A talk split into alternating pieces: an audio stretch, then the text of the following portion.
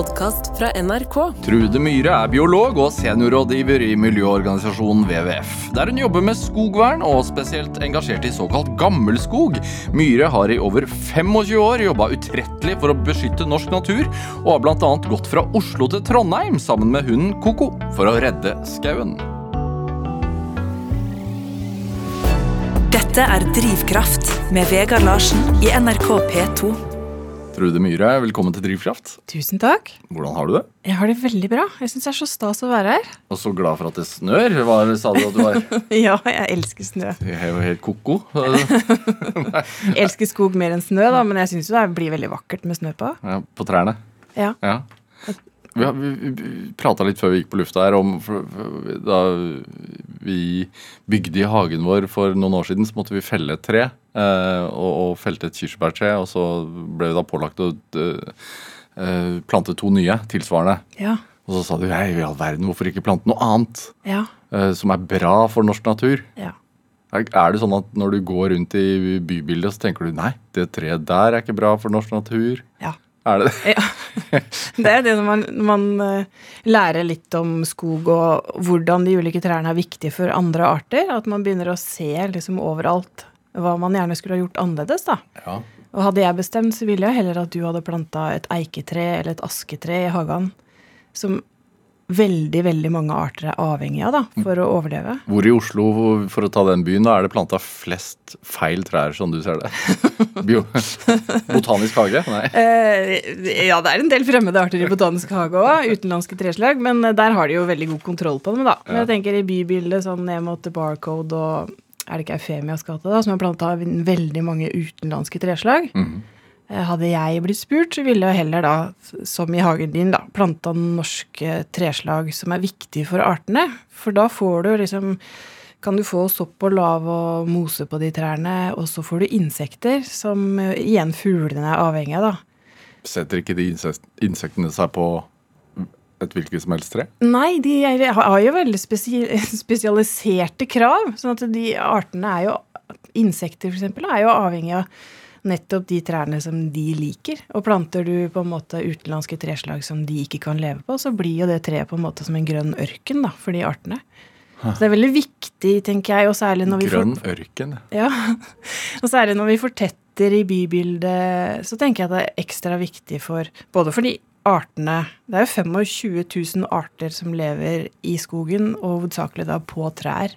Og på, selvfølgelig på, i hele skogbildet, da, på en måte. Både på bakken og i andre arter. Men trærne er jo veldig viktig som på en måte strukturer for andre arter. Så jeg tenker jo mer vi bygger ned og, og fortetter, på en måte, jo viktigere er det på en måte at eh, Også i bybildet, da. At man får sånne grønne øyer, på en måte. Hva med hekk? Ja, hekk òg.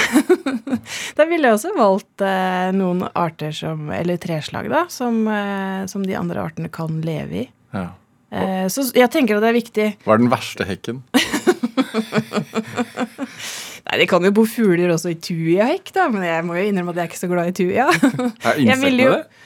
Hæ? Er insekter det?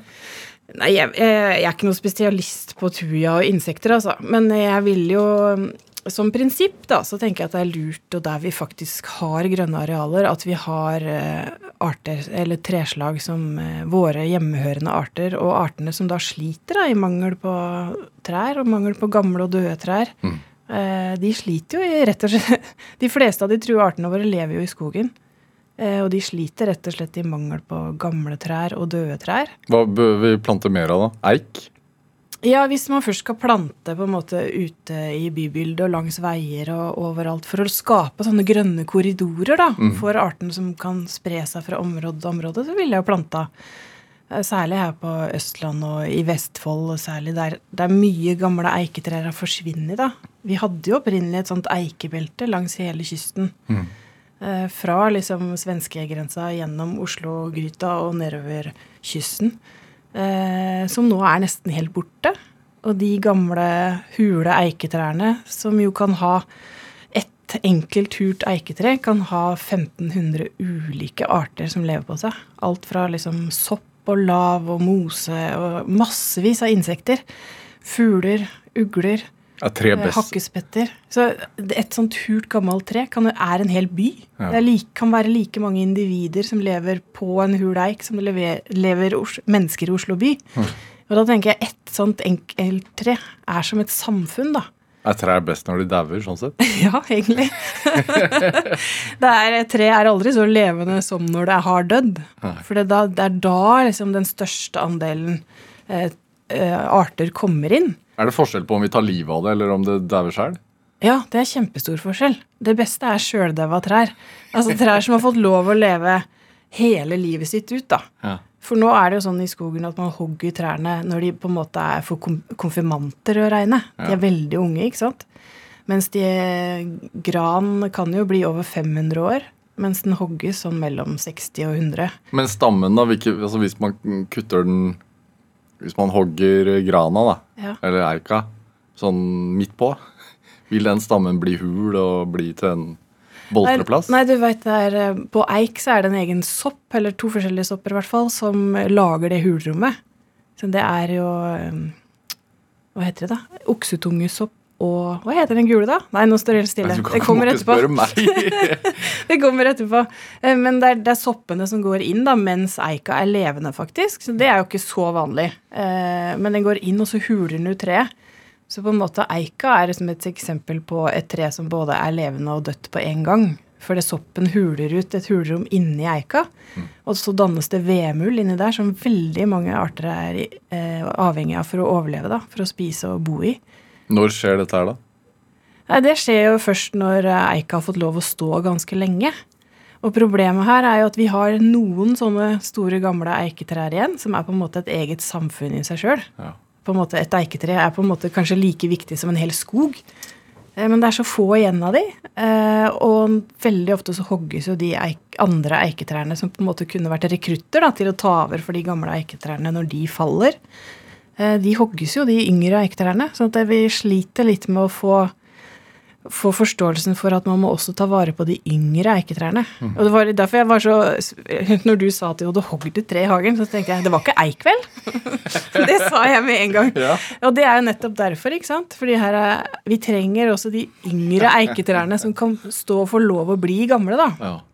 Og også i bybildet er jo de gamle eiketrærne viktige, ikke sant? Fordi de er Sånn som i Tønsberg så fant man jo faktisk på Ask, da, men en, en eh, art som heter eremittbille, som man trodde var utdødd. Som man fant i gamle asketrær. For det, hadde, det var så få eiketrær igjen at den hadde på en måte overlevd i et asketre. da. Så nå driver man og flytter larver av de billene opp til noen gamle hule eiker rett utafor Tønsberg, ved Berg kretsfengsel. Oi. Én og én bille? Ja, noen larver hvert år, da. Wow. I strengt samarbeid med statsforvalteren i fylket. Eh, For en jobb, da. ja, det er en kjempejobb. Ja. Så det hadde vært mye, mye enklere om vi hadde klart å ta vare på gamle skoger med eiketrær i, og eiketrær istedenfor å holde på sånn, da. For sånn kan vi ikke holde på med alle artene som er trua fordi vi mangler gamle trær, ikke sant. Det blir dyrt. Det blir veldig dyrt og veldig slitsomt. Det er liksom på, på linje med sånn at vi må håndpollinere matvekstene våre, ikke sant? fordi at vi mangler insekter som kan pollinere. Dette er Drivkraft med Vegard Larsen i NRK P2. Og i dag er eh, biolog og seniorrådgiver i miljøorganisasjonen WWF eh, Trude Myhre her hos meg i Drivkraft på NRK P2. Eh, Opp, Oppsynsmannen, eh, TV-serien som har gått på NRK, eh, med Bård Tufte Johansen i, som programleder, eller som aktivist, egentlig, eh, har jo fått litt blest og blitt sett av ganske mange. Det, I den serien så har det jo handla om skog- og naturtap, eh, i hvert fall delvis. Ja. Har du merket en endring i folks syn på ditt virke? Ja, eh, det er en ganske stor endring. Jeg føler, men det er nok et litt sånn tegn i tida. Jeg syns jo de siste par-tre åra at eh, det har skjedd en ganske stor endring. Eh, og det siste året så har også NRK hatt en del gravesaker om skog. Som på en måte avslører litt hvordan industrien og landbruksmyndighetene på en måte jobber hardest for at man bare skal hogge mer, og ikke for å ta vare på artene. Eh, Og der kommer jo på en måte også oppsynsmannen inn i tillegg, da. Og også den NRK-saken med rødt, hvitt og grått, som handler om alle disse her områdene som bare blir utbygd og ødelagt. Mhm. eh, uten at vi ser dem i sammenheng, da.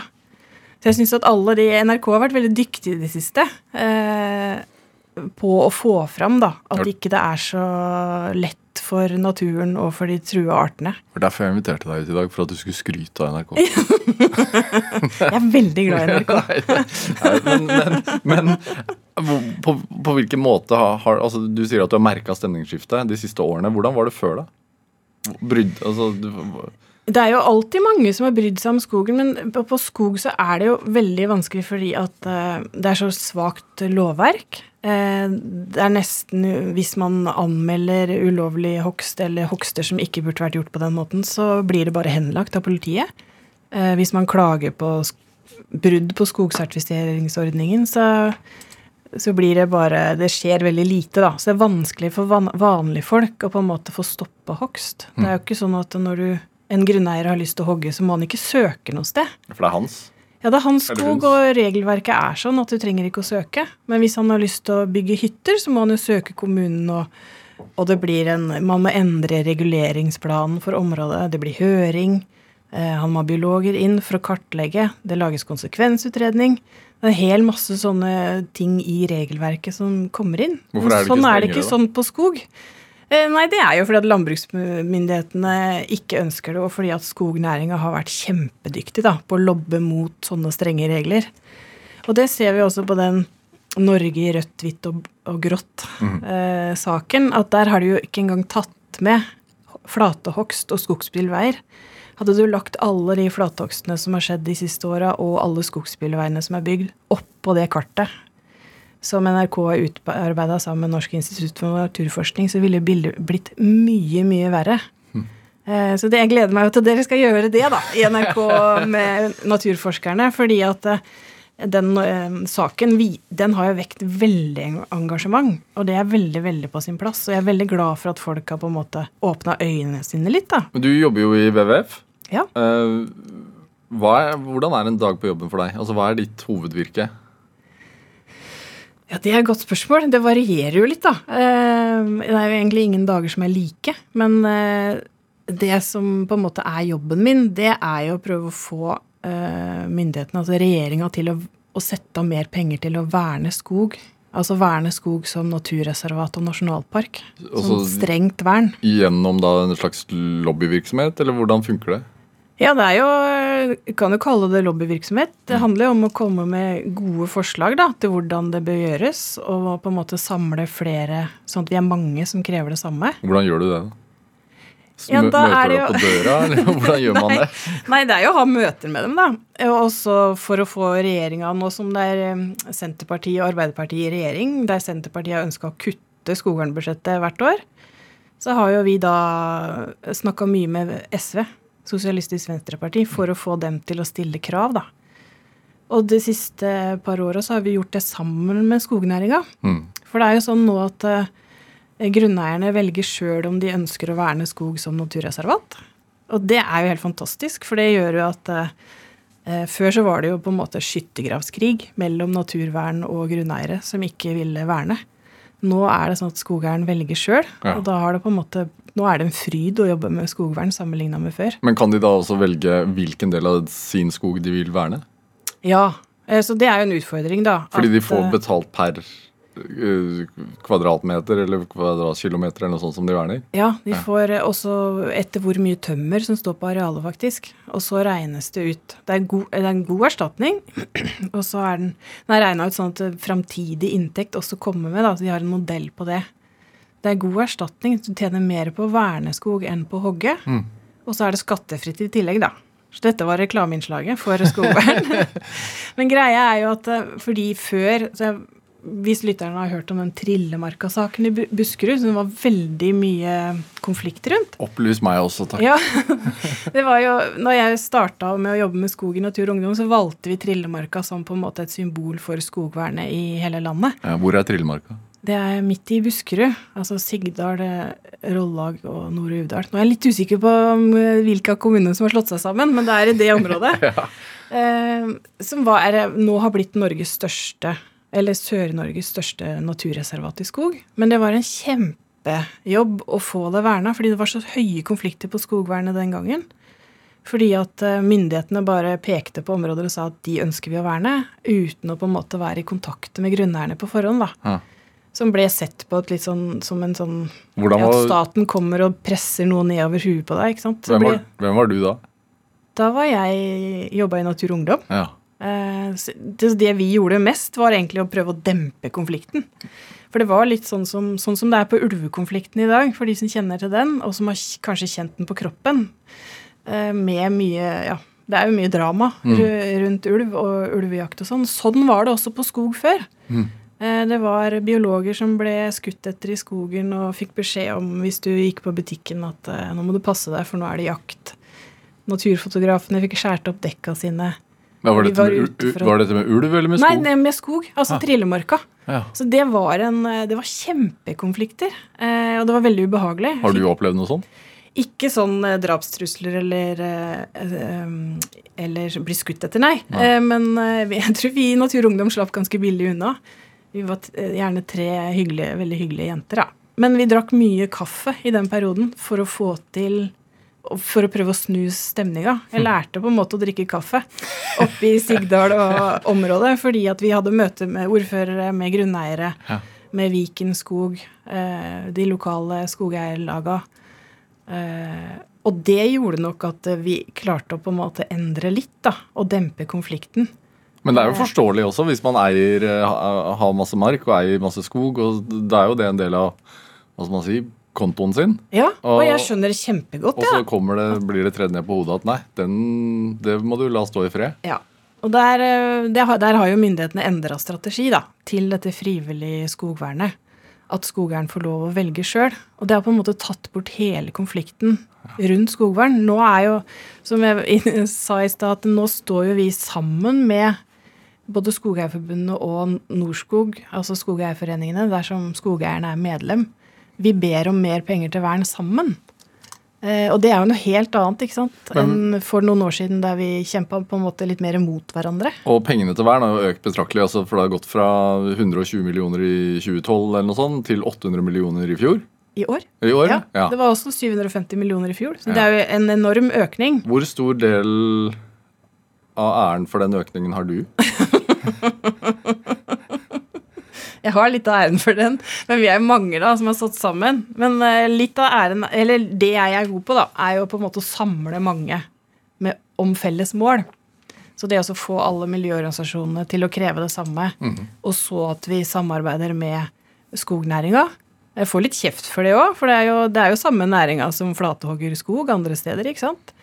Og som av mange blir sett på som en sånn kynisk milliardindustri som, som ødelegger mye skog. Men jeg tenker at de gangene vi kan stå sammen og kreve det samme, da kan vi oppnå nesten hva som helst. Hvilken plass har skogvern eh, hatt blant miljøorganisasjonene i Norge de siste 20 årene? Nei, Skogvern har på en måte, jeg tror det har blitt et sånt litt sånn gammelt gnagsår. fordi det er, det er ikke en akuttsak. Det er en sånn kronisk sak som pågår hele tida, på en måte, og som går veldig sakte Ja. i mangel av penger på budsjettet. Det var jo også det som var problemet for 20 år siden. ikke sant? At det var lite penger i statsbudsjettet til å verne skog. For det koster ganske mye penger. Du kan få veldig mye annet naturvern for de samme kronene hvis du kutter litt i skogvernbudsjettet. Og det skjedde jo også med SV i regjering i forrige periode. At Erik Solheim og, og Heidi Sørensen som statssekretær at de faktisk kutta skogvernbudsjettet ned til 120 millioner. Men har det vært litt sånn at man har bare altså, Som en, en uh, naturvernorganisasjon eh, eller miljøorganisasjon har bare folk og midler til å fokusere på ett område av gangen? Ja, og så er det jo litt med Jeg, jeg tror det er jo litt sånn at man man jobber, Jeg ser det på, parti, på partiene nå òg, at det, det er veldig lett å hoppe på den saken som har vært i media i det siste. Sånn som nå ser vi det, de naturtapssakene og med oppsynsmannen. ikke sant? Mm. det, nå skjer det masse på natur. Og det er jo der på en måte det er viktig for oss da, å bruke media.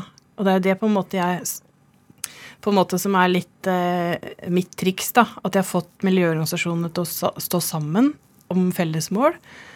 Og så at vi har fått til mye medieoppmerksomhet. da. Medieoppmerksomhet gjennom hele året, hvert år. Hvor, hvor mange år eh, siden var det du begynte å tenke at man var nødt til å ta bedre vare på skogen? Det er lenge siden. Hva snakker vi? Eh, Jeg skrev mitt første lesebrev i 1998. Ja. Eh, Det var vel eh, fordi jeg ble- provosert av fylkesskogsmesteren i Vestfold. Altså ansatt hos eh, staten, eller det som før het Fylkesmannen, da, nå Statsforvalteren. Som sa at nå må skogeierne ut og hogge all den gamle skogen, for den står og råtner på rot. I 1998. Ja. Da var du ti år. Nei. Nei, var nå litt 20 år var du. Ja. Det var 20 år, ja. Ja. Men, Men, det det vært, begynte før det. ja. Men har det vært en ensom kamp til tider? Nei, det vil jeg ikke si. Eh, fordi at det, jeg har så mange rundt meg som støtter opp, og som kommer med råd og innspill, og som jeg jobber sammen med. Eh, jeg føler meg veldig heldig der. Jeg har veldig mange skogvenner. Ja. og mange som kanskje ikke syns så mye, da, for de har andre jobber og, og Eller de jobber steder som ikke de er så frie til å uttale seg, da forskere annet, som sitter med masse kunnskap som jeg på en måte kan høste. da. For jeg rekker jo ikke å verken forske eller lese så mye forskning, fordi at ting skjer fort. Du skal liksom på radioen kjapt, eller du skal i Dagsnytt 18 kjapt, eller du skal svare en journalist som ringte og helst vil ha svar i går. Eh, så det, jeg må jo jobbe ganske ja, hurtig. Ja. Altså, Jeg har jo ikke tid til å sitte og lese liksom, masse forskning, så det å ha folk rundt meg som, som sitter på den kompetansen, og også skogvernere i andre organisasjoner, på en måte jeg eh, jobber sammen med. Tror du politikerne tenker at du er masete?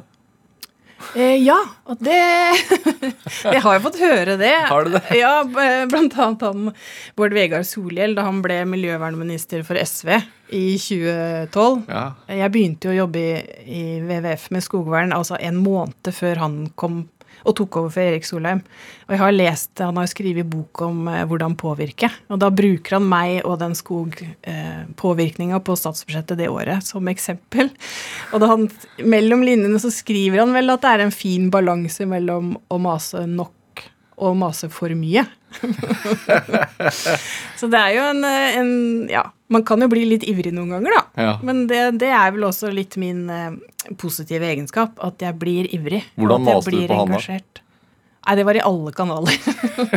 Hva, hva vil det si? ja, på, på, ja, ha møter, sende e-post, eh, ringe, eh, tekstmelding. Twitter-meldinger. Ja, alle kanaler.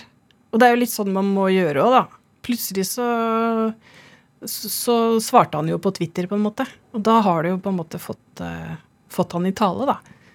Så det er jo det Men det er jo litt sånn man, Ja. Det er en fin balansegang. det er lett å bli ivrig da, når du har på en måte ser politiske muligheter til å få til endring, og kjapt. Og sånn som han som, som endra kjapt. Han klarte jo å doble skogvernbudsjettet da i løpet av et halvt år. Alle, jeg husker alle sa til meg at ja, men det er ikke noe vits i å prøve, fordi at eh, du får ikke endra skogvernbudsjettet så fort. For det ble egentlig bestemt i fjor. Men når det kommer inn en ny minister, og det gjelder jo uansett eh, hvor du holder på med naturvern, er det liksom på kommunenivå eller fylkesnivå eller nasjonalt som jeg jobber med, så er det det å kaste hjertesaken din på politikeren så fort som mulig idet han tar over. Og så ofte som mulig. Ja, Og så tok vi han med ut i skogen, viste fram liksom et av de viktigste områdene å få verna. Hvor var det da? Da var vi faktisk ved Lysakerelva mellom Oslo og Bærum kommune. Så et av de 50 områdene som vi anså da som de viktigste i Norge å få verna. Hvorfor var det det? Eh, Ja, det er veldig sånn jungelaktig edeløvskog langs elva der, med masse sjeldne og trua arter.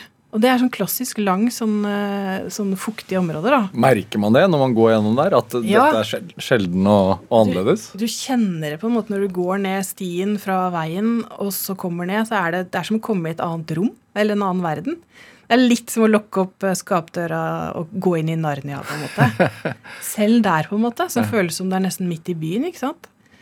Og det å bevare de her eh, områdene, og at vi pekte da på en Vi lagde jo en rapport som het Skogkur 2020. Mm. Og det funka også veldig bra på han miljøministeren. da. Det der å, å komme med en rapport som, med oppskrift da, på hvordan man kan gjøre det. Og nå har vi laga en ny sånn rapport som heter Skogkur 2030. Som er på en måte oppskriften da, til regjeringa for hvordan de kan redde de siste restene av norsk eh, naturskog. Ja, Hvor mye rester er det snakk om? Ja, Det er veldig lite. Så det burde jo ikke egentlig være noe problem å få redda den siste resten. Hva, hva snakker vi? Sånn prosent? Ja, Av den aller eldste skogen så på over 160 år så snakker vi vel kanskje maks 2-3-4 da. Ja. Så det er veldig lite av det produktive skogarealet. Så at det fortsatt er lovlig å hogge den skogen, er jo helt absurd. Og når jeg forteller det til mine kollegaer i resten av verden, så blir de helt sjokkert. Det, de sliter med å tro på at det er sant. da. At vi i Norge ikke har noe regelverk som hindrer hogst av på en måte vår siste gamle naturskog. Vi snakker jo ikke om urskog lenger, for det har vi ikke. Vi har bitte små flekker med urskog i naturreservatene våre. Eh, Så nå snakker vi på en måte om gammel naturskog, altså det som nærmer seg urskog, med store, gamle trær og døde trær. Ja, en urskog er jo helt urørt, da. At der har det ikke vært hogd noen gang. Men fordi at vi har vært overalt med sag og øks eh, før vi begynte med flathogst eh, og store hogstmaskiner, så er det på en måte ikke noe igjen da, av den opprinnelige, helt ja, urørte urskogen. Så da må vi på en måte over til Russland da, for å se store sammenhengende områder med gammel naturskog. Det er jo skau eh, så langt øyet ser i landet her. Ja, Uh, I hvert fall når man flyr over, eh, over Norge. Men, men du sa før vi gikk inn her, så sa du den beste skauen i landet er i Vestfold. ja. Nei, jeg er litt biased der, da, for jeg kommer jo fra Vestfold og er vokst opp i skauen. Men uh, det er ikke bare tull, eller det er ikke bare fordi jeg har en ekstra kjærlighet for den skogen jeg vokste opp i, men det er jo også Vestfold har mye edellauvskog. Altså trær med de såkalte edle treslagene. Altså ask og eik og lønn og disse her artene med, med store blader på. Eh, som er Vi har veldig lite igjen av. Eh, og Vestfold har på en måte det siste som er igjen, da, i stor grad. Og så er det jo litt langs kysten, som jeg snakka om i stad, med det eikeskogsbeltet, da, at vi har litt igjen her og der. Men Vestfold har et ekstra ansvar. Så hvis det er noen eh, skogeiere der ute som hører på nå, med, med edelløvskog i Vestfold som ønsker å verne skogen sin, så er det på tide nå da også å si ifra. Enten til statsforvalteren eller skogeierorganisasjonen sin. Ja, oppfordring fra, fra Trude Myhre der også. Vi skal, vi skal høre litt musikk, eh, Myhre. Ja. Eh, Du har med en låt som heter Mor ja. av Helge Lien Trio. Hvorfor den? Jo, det, for det første er det en veldig fin låt som Helge har eh, komponert til sin mamma. Eh, og begge de to er veldig glad i skog. Og så har de opplevd at den skogen som de er veldig glad i, Moskogen, de er fra Moelv, eh, har blitt hogd. Og det er jo sånt som jeg har opplevd òg, at den skogen rundt der jeg vokste opp, er borte. Og Helge hadde et, eh, et essay der han beskrev på en måte den skogsorgen han opplevde da den skogen forsvant. Han skrev i Morgenbladet i fjor. Og der på en måte klarte han å å beskrive på en måte den følelsen du får når skog du tenkte at skulle være der for alltid, plutselig er borte en dag. Og hvordan den sorgen kjennes på kroppen, da. Er det det han synger om også? Nei, han synger ikke, han spiller piano. Men han har jo sagt at uh, i det essayet så skriver han jo om at all musikken han har komponert, all musikken han har laga, den har på en måte noe med den skogen å gjøre. Det er på en måte grunntona hans, da. Så når vi fjerner sånne skogområder, så fjerner vi også en kulturell kapital, da.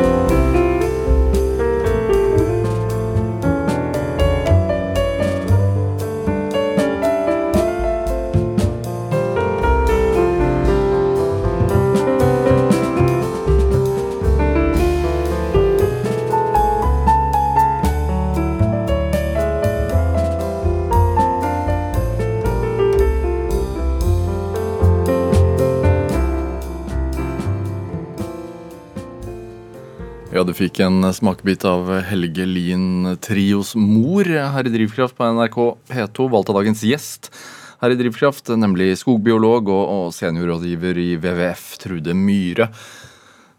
Du sa før vi spilte låten her at uh, man kan kjenne på en sorg når skogen man vokser opp i, blir borte. Mm. Uh, vi var så vidt innom at du er fra Vestfold. Hvor i Vestfold? Jeg vokste opp på, vokste opp på Myre i Høyjord. Altså en liten bygd i Andebu, tidligere Andebu kommune, som nå er en del av Sandefjord. Ja, Hva er en liten bygd? Eh, det er vel rundt 900 eh, mennesker. Ja. Gard, eller? Nei, men uh, i et hus uh, 300 meter nedafor den gården som pappa vokste opp på. da. Mm. Så det var veldig sånn i skogkanten, på en måte. Bodde Ikke noe byggefelt. Farmor og farfar på gården ennå da dere vokste opp? eller? Nei, de bodde i hu... Ja, de bodde faktisk på gården eh, da jeg ble født, men det husker ikke jeg. De bodde vel der til jeg var sånn tre-fire, tror jeg. Og så flytta de inn i nabohuset hos oss. Så jeg vokste opp med bestemor og bestefar i nabohuset. Det var helt nydelig. Hva slags plass er det? Hvordan ser det ut? Eller så det ut? Eh, ja, det er jo på en måte gårdsbruk og hus som er spredt. Og så er det eh, jorder og skau rundt. Ja. Ja. Hva var det mest rundt eh, huset deres? da? Det var skau. Ja. Ja. Hva slags skau? Det var sånn blandingsskog som er sånn typisk for uh, Vestfold. da. At det er blanding mellom gran og furu og edeløvskog. Ja. Det er en sånn miks som er helt nydelig. Uh, for du får på en måte det lyse, lette fra løvtrærne mot de her uh, mørkere gran- og furutrærne. da. Mm. Hva gjorde moren og faren din da, da du vokste opp? mamma starta med å være husmor gikk på husmorskolen. Mm. Eh, og så ble hun både først eh, apotektekniker og så legesekretær. Så hun tok utdannelsen etter hvert, da. To stykker. Og så pappa jobba i Statens vegvesen med å bygge vei. Mm. Hvem var du, da? Ja, hvem var jeg? Hva drømte du om? Eh, ja, si det. Jeg er litt usikker på hva jeg drømte om, men jeg hadde alltid liksom, ting og prosjekter å drive med, da. Som? Eh, ja, det var alt fra liksom å samle på frimerker til å være med i Speideren og 4H. Eh, være mye ute med venner. Gå på tur i skogen.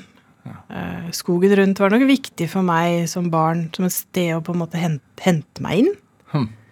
Jeg hadde et sånt område som jeg gjerne gikk ut fra verandadøra eh, og ut, i, ut, gjennom hagen og så opp i skogen. Og så et sted som jeg pleide å legge meg ned, da. Og så bare slappe helt av. Og få helt ro inntil det kommer så mye maur at du ikke orker å ligge stille lenger. Hvorfor det behovet? Uh, ja, det er jo litt tilbake til det vi snakka om i stad, at, at, at, jeg ofte ikke klarer helt å sitte stille, for jeg har så mye jeg skal gjøre, da. Uh, at jeg blir veldig engasjert. Monoman? ja, jeg er litt monoman på skog. ja, nå er det det, men, men før, det, før, det, ble en realitet, hva var det som opptok deg da? Ehm, det har jo vært miljøvern hele veien. Jeg begynte jo tidlig med sånne miljøting. Ehm, Hvorfor det, tror du? På, altså på tidlig 80-tall? Ja, det er vel Når jeg har prøvd å liksom granske det litt, hvorfor blei det sånn, så tror jeg, jeg tror det handler om at uh, både store trær i hagen ble hogd av min far og bestefar, uh, og at naboen plutselig hadde hogd et, en skog som var på en måte det nærmeste lekearealet hjemme. da. Mm. Uh, plutselig en dag vi kom hjem fra skolen, jeg og søstera mi, så var den borte. Så jeg tror at det har vært sånne litt sånn brå opplevelser som Hva representerte den, da?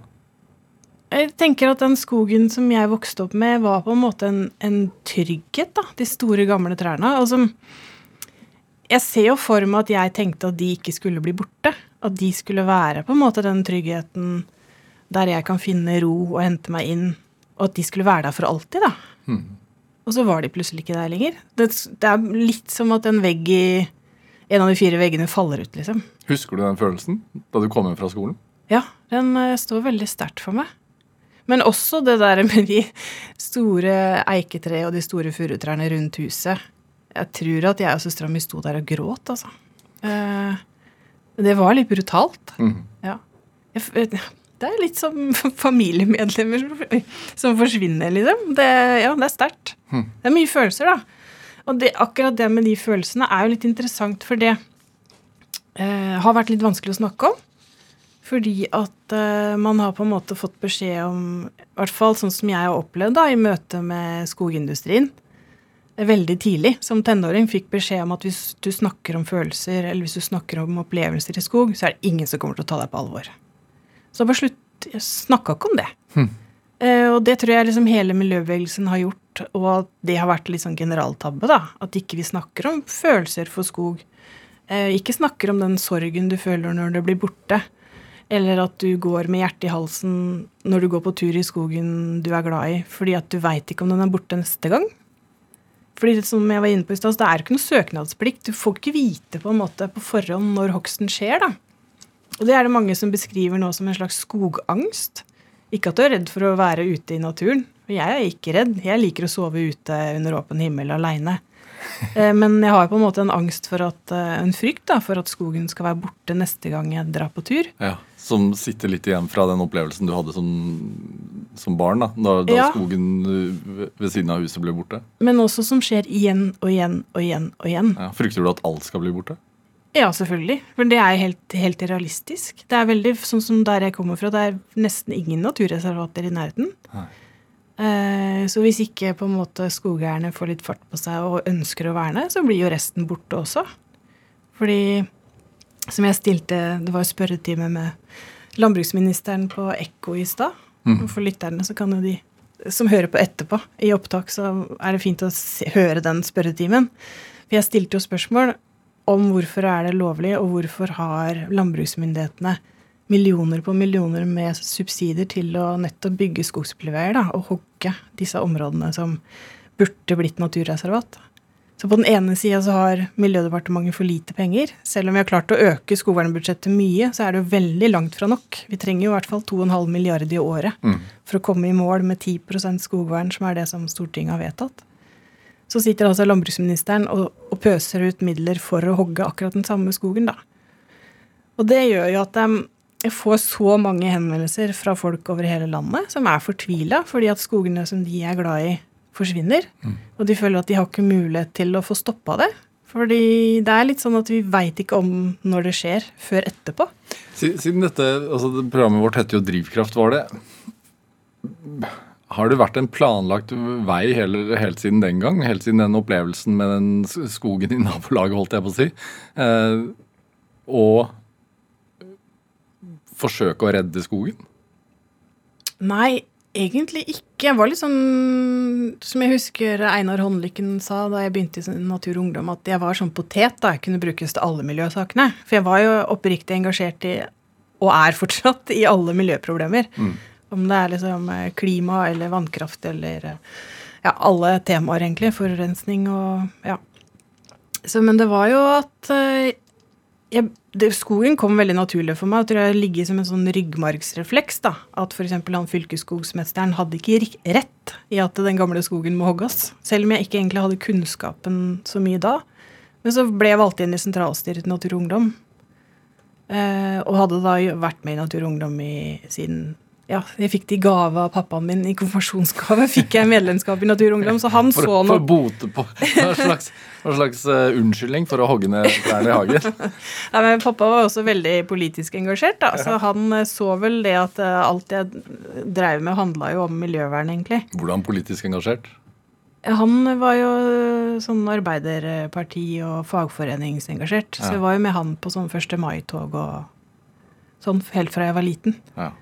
Eh, Så det har nok vært viktig. Så han har lært at man må gå den veien for å få ting igjennom? Ja. Eh, Selv om jeg husker det sto på banneret at de ville ha mer vei, da. Så det var kanskje ikke helt bra. Men eh, det har nok vært et sånt Pappa hadde jo også et stort engasjement. Mm. Og flink til å snakke og veldig sånn utadvendt og, og dyktig. Men det var nå først når jeg begynte i, i Natur og Ungdom sentralt, da, at det var, ble som skjønte på en måte at det var skogen som var min hjertesak. da. Og jeg fikk mulighet til å liksom utfolde meg og bruke hele engasjementet mitt. Eh, og så har det blitt det siden, da. Hjelper det å- at du har en utdanning også? Altså at du har blitt biolog og tatt en mastergrad? da? Ja, det gjorde jeg jo nettopp fordi jeg ville ha en sterkere stemme, da. ja. eh, Så det var en strategi skog. bak det? Ja, det, for jeg merka jo det da jeg begynte i Natur og Ungdom, at de, de som var biologer, som jobba med skog og skogvern, de ble jo mer hørt på. enn de som ikke var biologer. Så det var jo derfor jeg tenkte at jeg skulle gjøre en, en masteroppgave på skog. Men så var det jo også at vi jobba med å bevare eh, norsk regnskog i Natur og Ungdom. Eh, altså den skogen langs kysten av Trøndelag og Midt-Norge, der vi faktisk har regnskog. da. Regnskog av gran med sjeldne lavarter på. Hvordan ser det ut? Eller hvordan føles det å være det? Det er også veldig fuktig. Litt sånn samme følelsen som jeg snakka om Lysakerelva i stad. At du kommer inn i skog som har veldig mye fuktighet. da. Og at du ser at det er masse lavarter som vokser på trærne. Så det er veldig sånn frodig. Det blir litt sånn jungelfølelse, rett og slett. da. Eh, og at, eh, ja, så det, det var veldig viktig for oss å få verna de boreale regnskogene, som de kalles. da, Nordlig regnskog. Hvor mye er du uh, i, sko i skogen? Ja, mest mulig, Ja. Uh, men ikke nok, da. Jeg vet jo du har får gått- aldri nok. Vet du har gått fra Oslo til Trøndelag eller til Trondheim f.eks. Uh, sammen med hunden din? Ja. Ja. Var det gjennom mest mulig skog, eller hvordan Da gikk jeg pilegrimsleden, altså Ja. den merka løypa som går fra Oslo til Trondheim. Men det var for, det var for, for skogens sak, det også? Ja, det var eh, 700 km for Jeg liker at du innrømmet selv at du var monoman. ja, det, Men det var jo Jeg fikk jo gjort veldig mye mer på den turen enn jeg ville gjort fra kontoret i Oslo. Fordi at eh, jeg, jeg, det, det var jo før valget i 2017 at jeg gikk den ruta for å få mer fokus på skogvern før valget. Mm. Uh, og da gikk jeg fra Miljødepartementet i Oslo til Miljødirektoratet i Trondheim. Og så var det at jeg bodde på Galgeberg. Jeg så den her pilegrimsleden hver dag og tenkte at den der vil jeg bruke til noe. Hva er, hva er det verste med å gå den turen? Det verste var nok alle flatokstene på veien. Ja. Eh, det sa jeg ikke så mye om underveis, for jeg prøvde liksom å bare snakke om de fine tinga. Men det var utrolig trist å se så mye fin skog som var ødelagt og planta til med gran. da. Uh, ja. Det er slitsomt å gå langt òg, men det var jo egentlig bare gøy å gå. Når jeg var ferdig, så hadde jeg bare lyst på mer. Ja. Og jeg tenker på det nesten hver dag, at jeg savner den turen, for det var helt fantastisk. Hvor lang tid tar det? Jeg brukte seks uker, men da jobba jeg jo mye underveis. Hadde veldig mange møter med ulike politikere eh, fra alle partiene da, som sto til valg. Alle ja, naturvernere langs ruta. Og til og med skogeierandelslagene som tok kontakt. Vanligvis må jo vi mase på dem for å få møter, men her var det de som tok kontakt. da. Og jeg tror det er noe som skjer når det går til fots Ja. gjennom der folk bor og jobber, så syns de at det er en eh, kul sak og veldig spennende. da. Så jeg fikk jo møte med alle de politiske partiene. Og jeg husker til og med at eh, da vi kom fram til Nidaros, og så la jeg ut bilder etterpå, for vi hadde jo et sånt Jeg ville ha litt sånn Force Gump-stemning når jeg kom inn til byen. Jeg vet ikke om du husker den Jo, jo, filmen? når han løper løper, og så løper alle Ja, så vi fikk til det, da, med liksom sekkepipe og masse banner og masse folk, da. Og da husker Jeg la, jeg la ut noen bilder på Facebook, da, og da husker jeg det var en av politikerne som sto da til valg til Stortinget, som var litt sur for at de hadde ikke fått lagt ut bilde av henne. Så jeg tenker så, Såpass viktig kan det være for politikere å rett før valg, da. Så jeg tenker at det der er, det var et kjempetriks å gå den ruta for å få oppmerksomhet. Fikk masse medieoppmerksomhet. Var på radioen mange ganger, var på TV. Har du begynt å planlegge foran neste stortingsvalg allerede? Jeg hadde jo en plan foran eh, 2019-valget. ja. Nei, ja, nei, ja. Eh, Da vi hadde lyst til å gå den grensesømmen. Altså fra Halden opp til Treriksrøysa, langs svenskegrensa. Men så kom jo pandemien, og så ble Ja. det masse styr, så det, det fikk vi ikke gjort, da. Men eh, hvordan har du det i by, da? jeg har det fint i by òg. Jeg elsker kaféliv og liksom sitte på kafé og drikke kaffe og spise på restaurant og gå på teater og kino og alt. Men eh, det er nok skogen jeg trives best i. Jeg trenger mye ro. Jeg vet at du har opplevd eh, en voldsom side av byen også. Vet du at du har blitt påkjørt en gang mens du sykla. Ja, det er jo ikke så stas. Nei. Det, setter det en støkk? Ja, jeg, jeg har ikke sykla i Oslo siden det. Nei. Nei, det tør jeg ikke. Det har nok satt en skrekk i meg. Også, også det at jeg øh, fikk sånn kronisk hodepine etterpå, da, som gjør at jeg må ta mer hensyn. Må ta det mer med ro. Ja, for det var en alvorlig ulykke, rett og slett. Ja, Ja. slo, ble påkjørt og slo hodet i panseret. Eh, jeg hadde sykkelhjelm, da, så jeg overlevde jo. Men eh, jeg fikk jo sånn de kaller sånn posttraumatisk hjernerystelse. Altså med langvarig, hjernerystelse med langvarige plager, da. Ja. Som av den heldige 10-15% som får langvarige plager av det. Men det gjør jo også at skogen har blitt enda viktigere, på en måte. Fordi at jeg har enda større behov for ro, da. Å hente meg inn igjen. Men hva i deg er det som gjør at du da, med den kroniske hodepinen, fremdeles tar alle disse møtene og skriver alle disse innleggene og, og er på alle disse radioprogrammene? Fordi noen ville jo bare satt seg ned og hatt, prøvd å ha stillhet og mørk, et mørkt rom, som man har hvis man har Ja. vondt i hodet. Ja, nei, det er vel den drivkraften da, som du lurer på, eh, som er så mye sterkere enn en hensyn til meg. For jeg ville nok sikkert hatt et bedre liv hvis jeg kunne tatt det helt med ro. Men eh, jeg føler at skogen er veldig mye viktigere enn det. Det er, det er, jeg er jo litt sånn som det er et par i Sverige som jobber litt på samme måten som jeg gjør, og som er veldig glad i skog, og de sier jo så en YouTube-video med dem, og de sier vi er veldig glad i hverandre, men enda mer glad i skogen. Det er litt sånn. Så det er vel eh, den store ansvarsfølelsen som jeg har, da. For at eh, vi skal få verna de siste restene av norsk naturskog, og alle de artene som lever der. For de, de har ingen stemme. Og de, de forsvinner, liksom. Det er litt som eh, fuglelivet om våren. ikke sant? At du, du hører at det er fugler der, men hvis ikke du kjenner lyden av hvilke fugler som er, er hvem som er hvem, da, så legger ikke du og jeg merke til hvilke som er borte fra år til år. Nei. Og det er på en måte det som skjer sånn gradvis, da. Og som forskerne kaller for endringsblindhet. At det går så sakte at man ikke legger merke til det på et vis. Ja, men de som kan, de som veit, de legger merke til det. De som kjenner alle fugleartene, legger merke til det. Men du skal være ganske god da, for å kjenne de 25 000 artene som lever ute i skogen. Altså de 24 998 som ikke er gran og furu.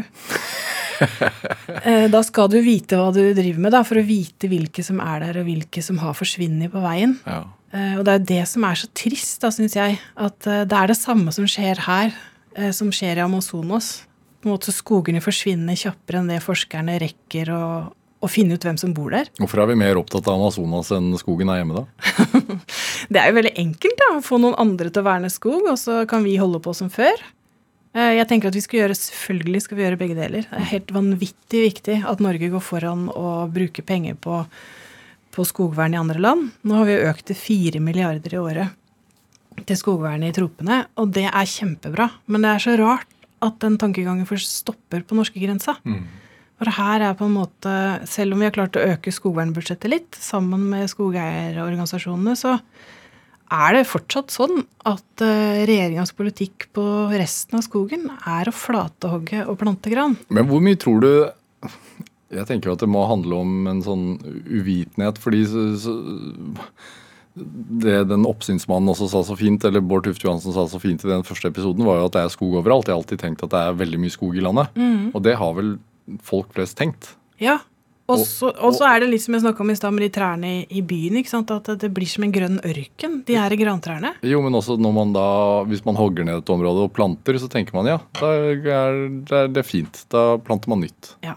Og det er jo det som har vært skogindustriens geniale løsning, da. At de, de forteller hele landet at eh, vi driver bærekraftig. Ja. Fordi de hogger mindre enn det vokser Færre trær enn det det vokser opp, da. Nå kom det jo akkurat en nyhetssak om at det faktisk ikke stemmer lenger. Nå hogger vi flere trær enn det vi rekker å, å plante. Eller rekker å vokse opp. Men har man hatt kunnskapen hele tiden? Ja, det vil jeg påstå. Vi har jo visst dette her i, i mange, mange, mange år. Eh, og, men problemet er jo da at eh, forretningsideen til skogindustrien er jo å, å hogge trær. Eh, og skal man gjøre det uten å få motstand, så er det jo lurt å si at dette er miljøvennlig, da. Så der har de jo vært helt geniale på å nettopp si at eh, hogst er miljøvennlig fordi vi hogger For hvert tre vi, eh, hogger, så planter vi nye. Men hva er løsningen sånn du ser det, da? For vi er jo avhengig av hogst også. Ja, men jeg tenker at Vi skal selvfølgelig få til begge deler. Vi har over 11 milliarder trær i Norge. Så er ikke, vi mangler ikke trær. Nei, det er akkurat Men det er noe med også å hogge de trærne som Hogge den skogen som allerede er flatehogd tidligere. Der tenker jeg at vi kan drive ganske intensivt. Og så er det det å bevare den gamle naturskogen, da. Og der har jo Stortinget vedtatt at vi skal verne 10% strengt som naturreservat og nasjonalpark. Får vi til det, da? Ja, men Da trengs det penger på budsjettet, da. Så da er det tilbake til det som er på en måte min hovedoppgave. Hva holder du på med når du ikke holder på med dette her? Eh, Har du plass til noe annet enn skog? Ja. Jeg er mye sammen med familie og venner, da, som er veldig viktig for meg. Og så leser jeg mye bøker. Ja. Uh, I tillegg til å gå på tur, da. Papir eller på Ja, faktisk på papir. For jeg, med den hodepina mi så sliter jeg veldig med skjerm. Ja. Eh, så jeg har litt dårlig samvittighet for det. Men der er også en plan om å få forlagene da, til å være litt mer kritisk. For problemet er jo at alle disse bøkene som jeg leser, så står det jo at det er miljømerka og miljøvennlig papir.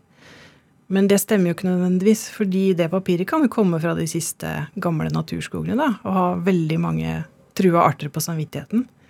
Så at forlagsbransjen ikke er liksom mer på, det, det blir jeg litt irritert på. Ja. Hæ. Så det er litt sånn som disse utemøblene vi ikke bør handle? ikke sant? Det er samme, samme problemet. Fordi at sertifiseringsordningene er ikke strenge nok, da. Det er ikke noe regel i sertifiseringa mot å hogge flathogge de siste naturskogene våre. Så vet jeg at du hadde en trøffelhund. Ja. Koko er en trøffelhund. Hun som var med og gikk til Trondheim, ja. Ja. Mm. Jeg må jo gå mye tur med henne, da. Men hva er en trøffelhund? Altså, det er, det er de som er spesialister på å finne trøfler? Ja, de er avla opp eh, for å finne trøfler. Så de kalles italiensk vannhund, så de er en del av de vannhundrasene.